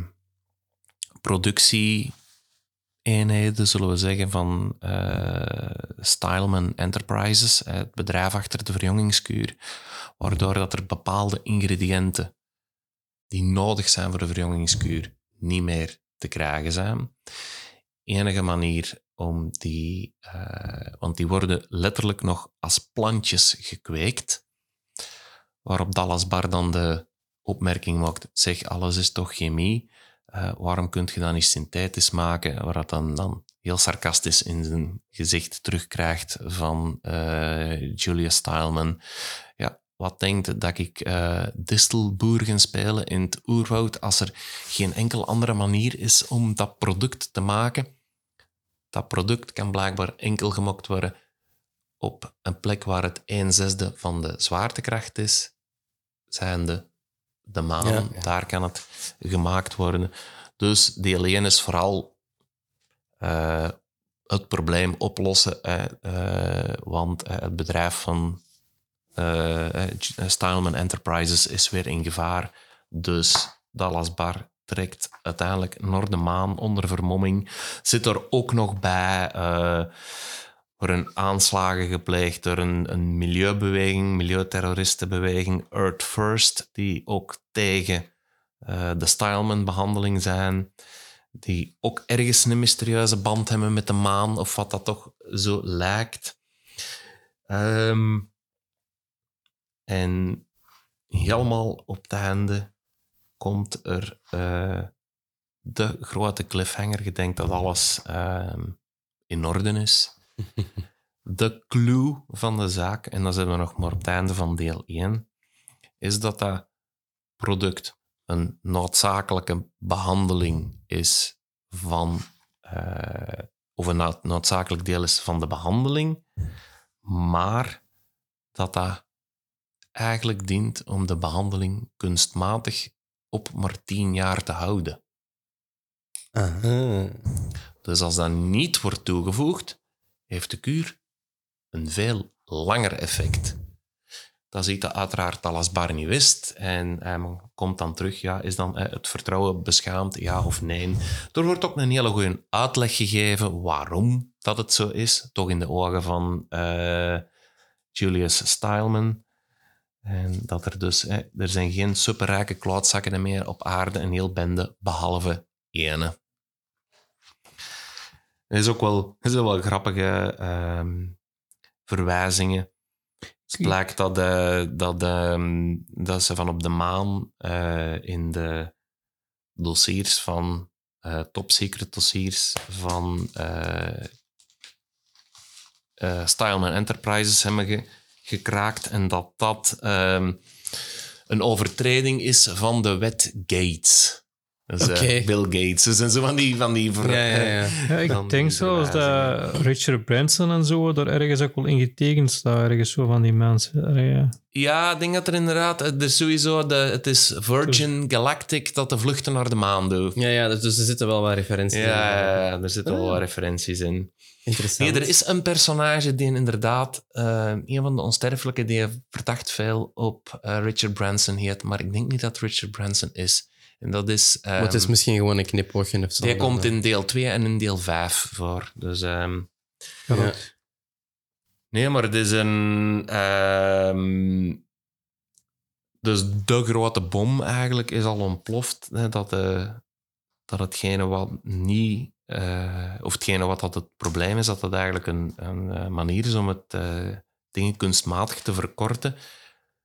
Ehm, Nee, nee, maar ja, we zullen voor de rest ook niet te veel spoilers Ja, al weggeven. ja. Dat, eh, dat als er nog iemand dat, dat wil lezen, ik en onder andere, Ja, ik eh, denk dat we genoeg niet te informatie nog hebben. niet te hard verrast is. Hè. ja, ja, ja. Ehm, wat ik nog wou zeggen, ja, ook hier. Maar het ziet er wel, allee, als ik ze nu al meekijk van hier, het ziet er wel eh, Ja. knap getekend uit. En, eh, heel schoon. Dus, eh, We zijn nog altijd aan het opnemen en zo. Dus Ja. kan wel even- ja. Ehm, nee, in ieder geval, ehm, deel. Er is het ook, ook weer over de ehm, ongelooflijk knappe tekenstijl en vertelstijl van Marvano. De finale van deel 4. Heb je telkens de linkse kant van het blad en in een paneel dat van gewoon van boven tot onder de volledige hoogte van het blad gaat, wat zich tegelijkertijd ergens anders aan het afspelen is en dan ehm, eh, de rest van het blad zijn dan in gewoon panelen verdeeld. En telkens als je enkel die linkse stroken bekijkt van elk blad, zie je gewoon, of dat worden de rechtse stroken om een duur, dan, dan zie je hoe dat, dat visueel heel dat verhaal zich daar ja, afspeelt. ja, dus je al een, zonder, een, een, een, zonder visuele, woorden, zonder visuele woorden. parallelle vertelling. Ja, zonder Eh, woorden, elke strook die van, eh, van boven naar beneden op de pagina loopt, is een stukje van dat verhaal. En de spanning wordt gewoon stap voor stap, zie je dat de spanning opgebouwd wordt Ja, ja, ja. naar, eh, ja, naar de climax natuurlijk. Hè. Interessant. En wat dat daar het gevolg van is, van dat dat product ontbreekt, of tekort is voor een gedeelte opgelost, maar er is zo'n gigantische voorraad van verloren gegaan, dat is katalysator voor wat er in verhaal 5 voor een stukje gebeurt. En dat wordt dan de setup gegeven wat uiteindelijk 6 en 7 gaat worden, wat eigenlijk helemaal draait rond wat dat er in 3 en 4 Ja. is gebeurd. Ja, ja, ja. Goed. Ja. En het is ja, prachtig getekend. En ik ben een enorme fan van Marvano, ook al zijn ander werk. eh, ja. En Je hebt ook eeuwige oorlog en zo, maar ik vind ook, als je dat leest, allee, ik voel, je weet, je merkt dat dat in een oorlog op, op gebaseerd is op een oorlog. Je merkt dat. allee, Ja, dat, dat is, eh, maar dat is ook de Forever War. Dat is ehm, Joe Haldeman zijn manie. Joe Haldeman heeft gevochten in de Vietnamoorlog. Dat is de Joe Haldeman-versie van de Vietnamoorlog. Het is dan wel science fiction, maar al, Mhm. zijn, al zijn dingen... eh, ja, hij, voor hem is dat eigenlijk... de- hij schrijft eh, zijn oorlogservaringen af van hem af. Dat is ook... Trouwens, daar heb ik geen idee van of dat een het oorspronkelijke verhaal van Haldeman zo is. Ook Dallas Bar en Julia Stileman zijn Vietnam-veteranen. Ja, Eh, dus dat zal vermoedelijk gaat dat dan ook weer een, eh, een stukje nog van Haldeman zijn dat bij in de creatie van de personages zit. En bij ehm, deel 4 zat, als je daar de eerste editie kocht, de Nam Days, waarin dat eh, ja, Dallas Bar. Het wordt niet echt expliciet verteld wie dat de verteller is, maar het is Dallas Bar die zijn ervaringen, is een heel kort boekje, zijn ervaringen van de Vietnamoorlog. maar ook wel heel schoon teken. Prachtig getekend, enorm prachtig, heel minimalistisch getekend. En ehm, helemaal op het einde, eh, als, eh, als Dallas Bar terugkomt uit Vietnam, eh, komt hem terecht in rellen. Rellen waarin dat eh, mensen die protesteren tegen de Vietnamoorlog eh slaags geraken met teruggekeerde soldaten. En ze worden allemaal opgepakt. En hij wordt ehm, samen met een manifestant bij in de cel gestoken. En dan wordt er gewoon verwijzen van... hè, mijn celmaat is een geval apart. Hij is een jaar ouder dan ik en hij heeft ook in NEM gezeten. En dat blijkt dan een, eh, iemand te zijn die in het veldhospitaal in Vietnam heeft gewerkt.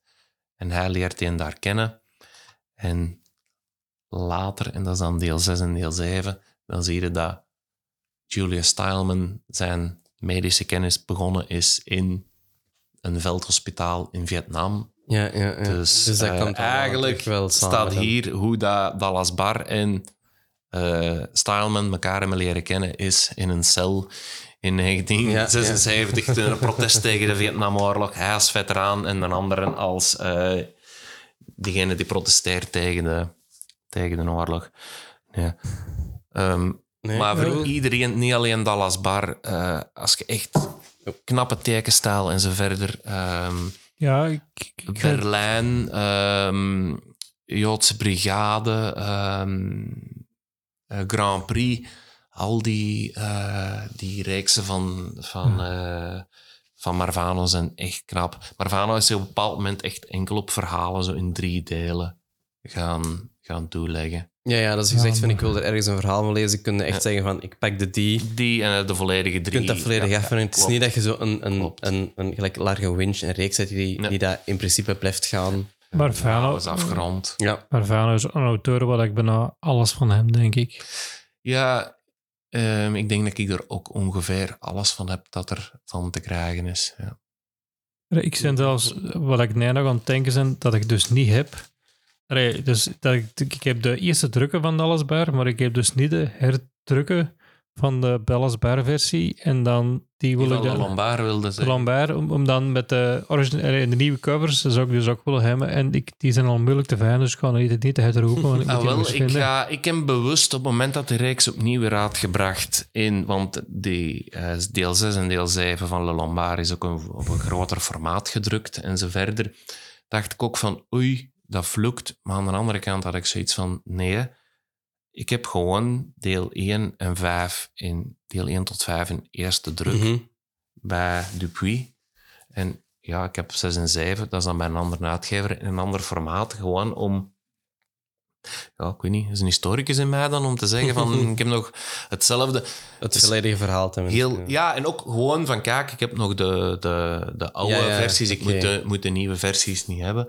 Mhm. Ehm, bij Largo Winch, dat is misschien ook belachelijk, maar mm, deel 1 van Largo Winch bij mij is datzelfde deel 1 dat bij de gazet zat.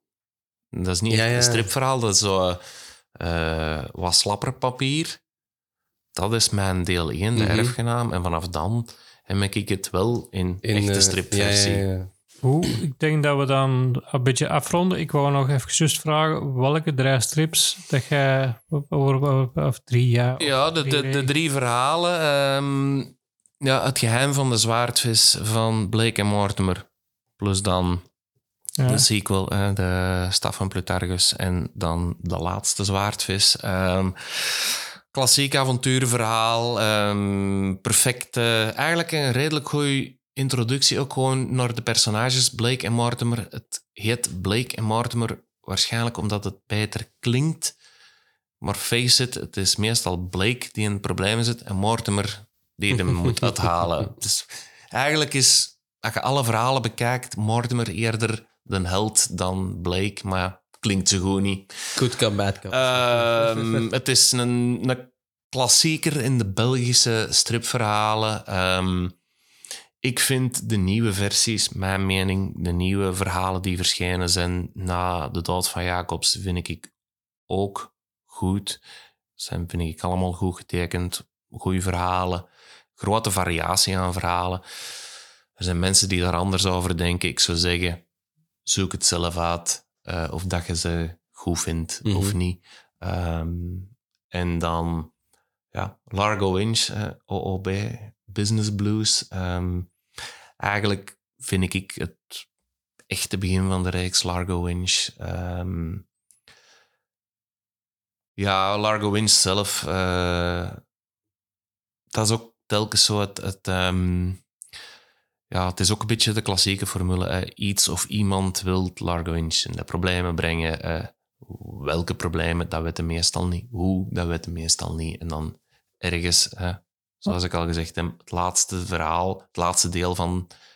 eh, het laatste stuk van deel 1 van het verhaal loopt het dan mis. En dan, dus gewoon spannend. Ook oh, knap getekend, heel filmisch getekend ook. Ehm, en als we dan echt gaan over nog meer visueel en zonder woorden, ja, dan zitten we bij, bij Dallas Bar. Ehm, en, eh, vind ik een, ja, wat dat ze dan hard science fiction noemen, dus redelijk realistische science fiction. Ehm, en ja, ook weer een ook spannend verhaal. En gewoon heel de reeks Dallas Bar, het is gelijk als de Koen zegt, het zijn slechts zeven verhalen. Wat ik heel spijtig vind persoonlijk, want er is een integrale van Dallas Bar. Alle zeven verhalen in hardcover met nog wat bijkomende context en zo verder Mhm. van hoe dat de wereld eruit ziet ten tijde van Dallas Bar. Alleen is die enkel en alleen in het Frans verschenen. Ah. Bestaat niet in het Nederlands. Dat is trouwens wat we ook nog aan het zeggen waren over Franstalige dingen. Marvano is van Zolder in Limburg. Eh, maar alle verhalen van Marvano worden eerst in het Frans uitgegeven en dan pas in het Nederlands. Ja, het- ja, Marvano is ook wel zelf uitgever geweest, of heel zelf ook. ja. Die heeft een geschiedenis in Bank bij Wijkblad Kaafje of zoiets. Is dan inderdaad uitgever of Ja. zoiets. Of, of, of redacteur of eindredacteur of zoiets Mhm. geweest. Dus hij heeft er wel inderdaad hij heeft wel kennis van, eh, van de industrie, om het zo maar te zeggen. Maar het, het zijn ook, er is iemand, is een Vlaming die voor de Franse markt werkt. Hè. Dat is. eh, en Maar dat heeft als voordeel dat hij ook rustig aan zijn boeken kan werken. Mhm. Eh, ook die, die, die andere reeksen dat hem zo mokt, telkens in, in, in drie delen. Ja, daar is, daar is tijd voor. En je ziet, daar is tijd ingekropen. Daar is ook research voor gedaan. Zijn nieuwere dingen zijn trouwens veel meer een historische kant op dan, dan de science fiction kant. Mhm. Maar dat maakt niet uit. Eh, op een bepaald moment in reeks de Joodse brigade. Drie verhalen en dat gaat over een legerbrigade van Joden, uiteraard, die vlak na een Tweede Wereldoorlog mee, of die mee eigenlijk Europa helpen bevrijden eh, op het einde van de Tweede Wereldoorlog. Die heeft echt bestaan. Het is niet dat dat iets is dat uit de koker van Marvano komt. Wat natuurlijk ja, voor een geweldig eh, contrast vormt, want nu zijn het de Joden die op de nazi's jagen, of toch de Joodse brigade.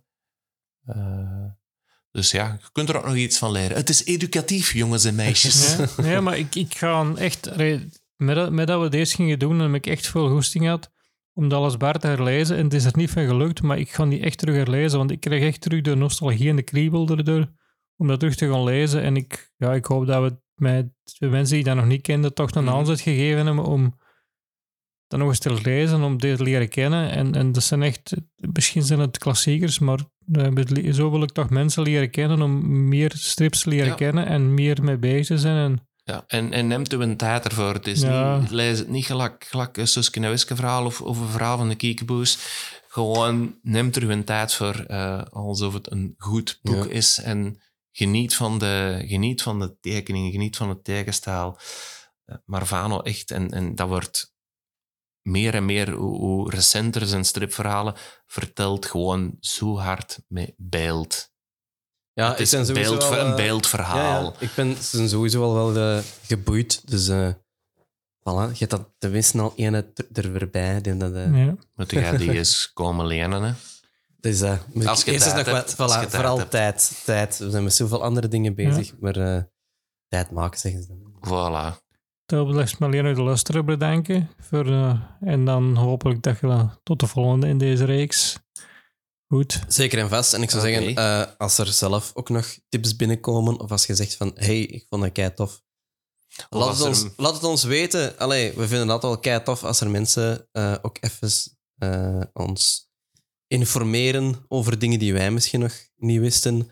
Of laten weten dat we eh, hun geïnspireerd hebben om eh, te lezen. Of als er mensen zijn Eh. die totaal niet akkoord zijn, eh, waarom niet? dat mag ook. Ja, absoluut. die, eh, absoluut. Mail- les couleurs ne se discutent pas. dus ehm, Dus ja, als je mensen die totaal niet akkoord zijn, gestuurd je mail. Ik zal wel zorgen dat je in de spam terechtkomt. delete. Of Facebook of Instagram en dan lezen we die Ja. wel of niet. Nee, nee. Ja, We zorgen dat iedereen eh, Hm. van antwoord wordt voorzien. ja, Goed, dankjewel. Merci Ja. Hans. Ja, merci dat ik er mocht zijn. ja, goed. Zie iedereen. En tot de Goed. volgende. Ja, Ciao. ja. Bedankt voor het luisteren alvast. Het was weer een toffe aflevering en ik zou gewoon eens willen zeggen, deel dat eens met je vrienden. Dat is re, gewoon, re, als, als je die podcast deelt, wordt die ook wat groter. Ja, zeker En- en vast. Zeker en vast. Eh, geef het sowieso een sterretje of een like op eh, je favoriete platform van keuze. Dan krijgen we een groter bereik. En dan zou je ons daar sowieso al heel hard mee verder helpen. En kunnen we ook veel leukere en toffere gasten voor jullie eh, aan tafel krijgen. Dag, merci daarvoor. Ja, en ook merci voor het luisteren. En dan zien we jullie of horen jullie ons ongetwijfeld over een maandje weer wanneer we er terug zijn met een nieuwe gast. Een nieuwe aflevering. Tot dan.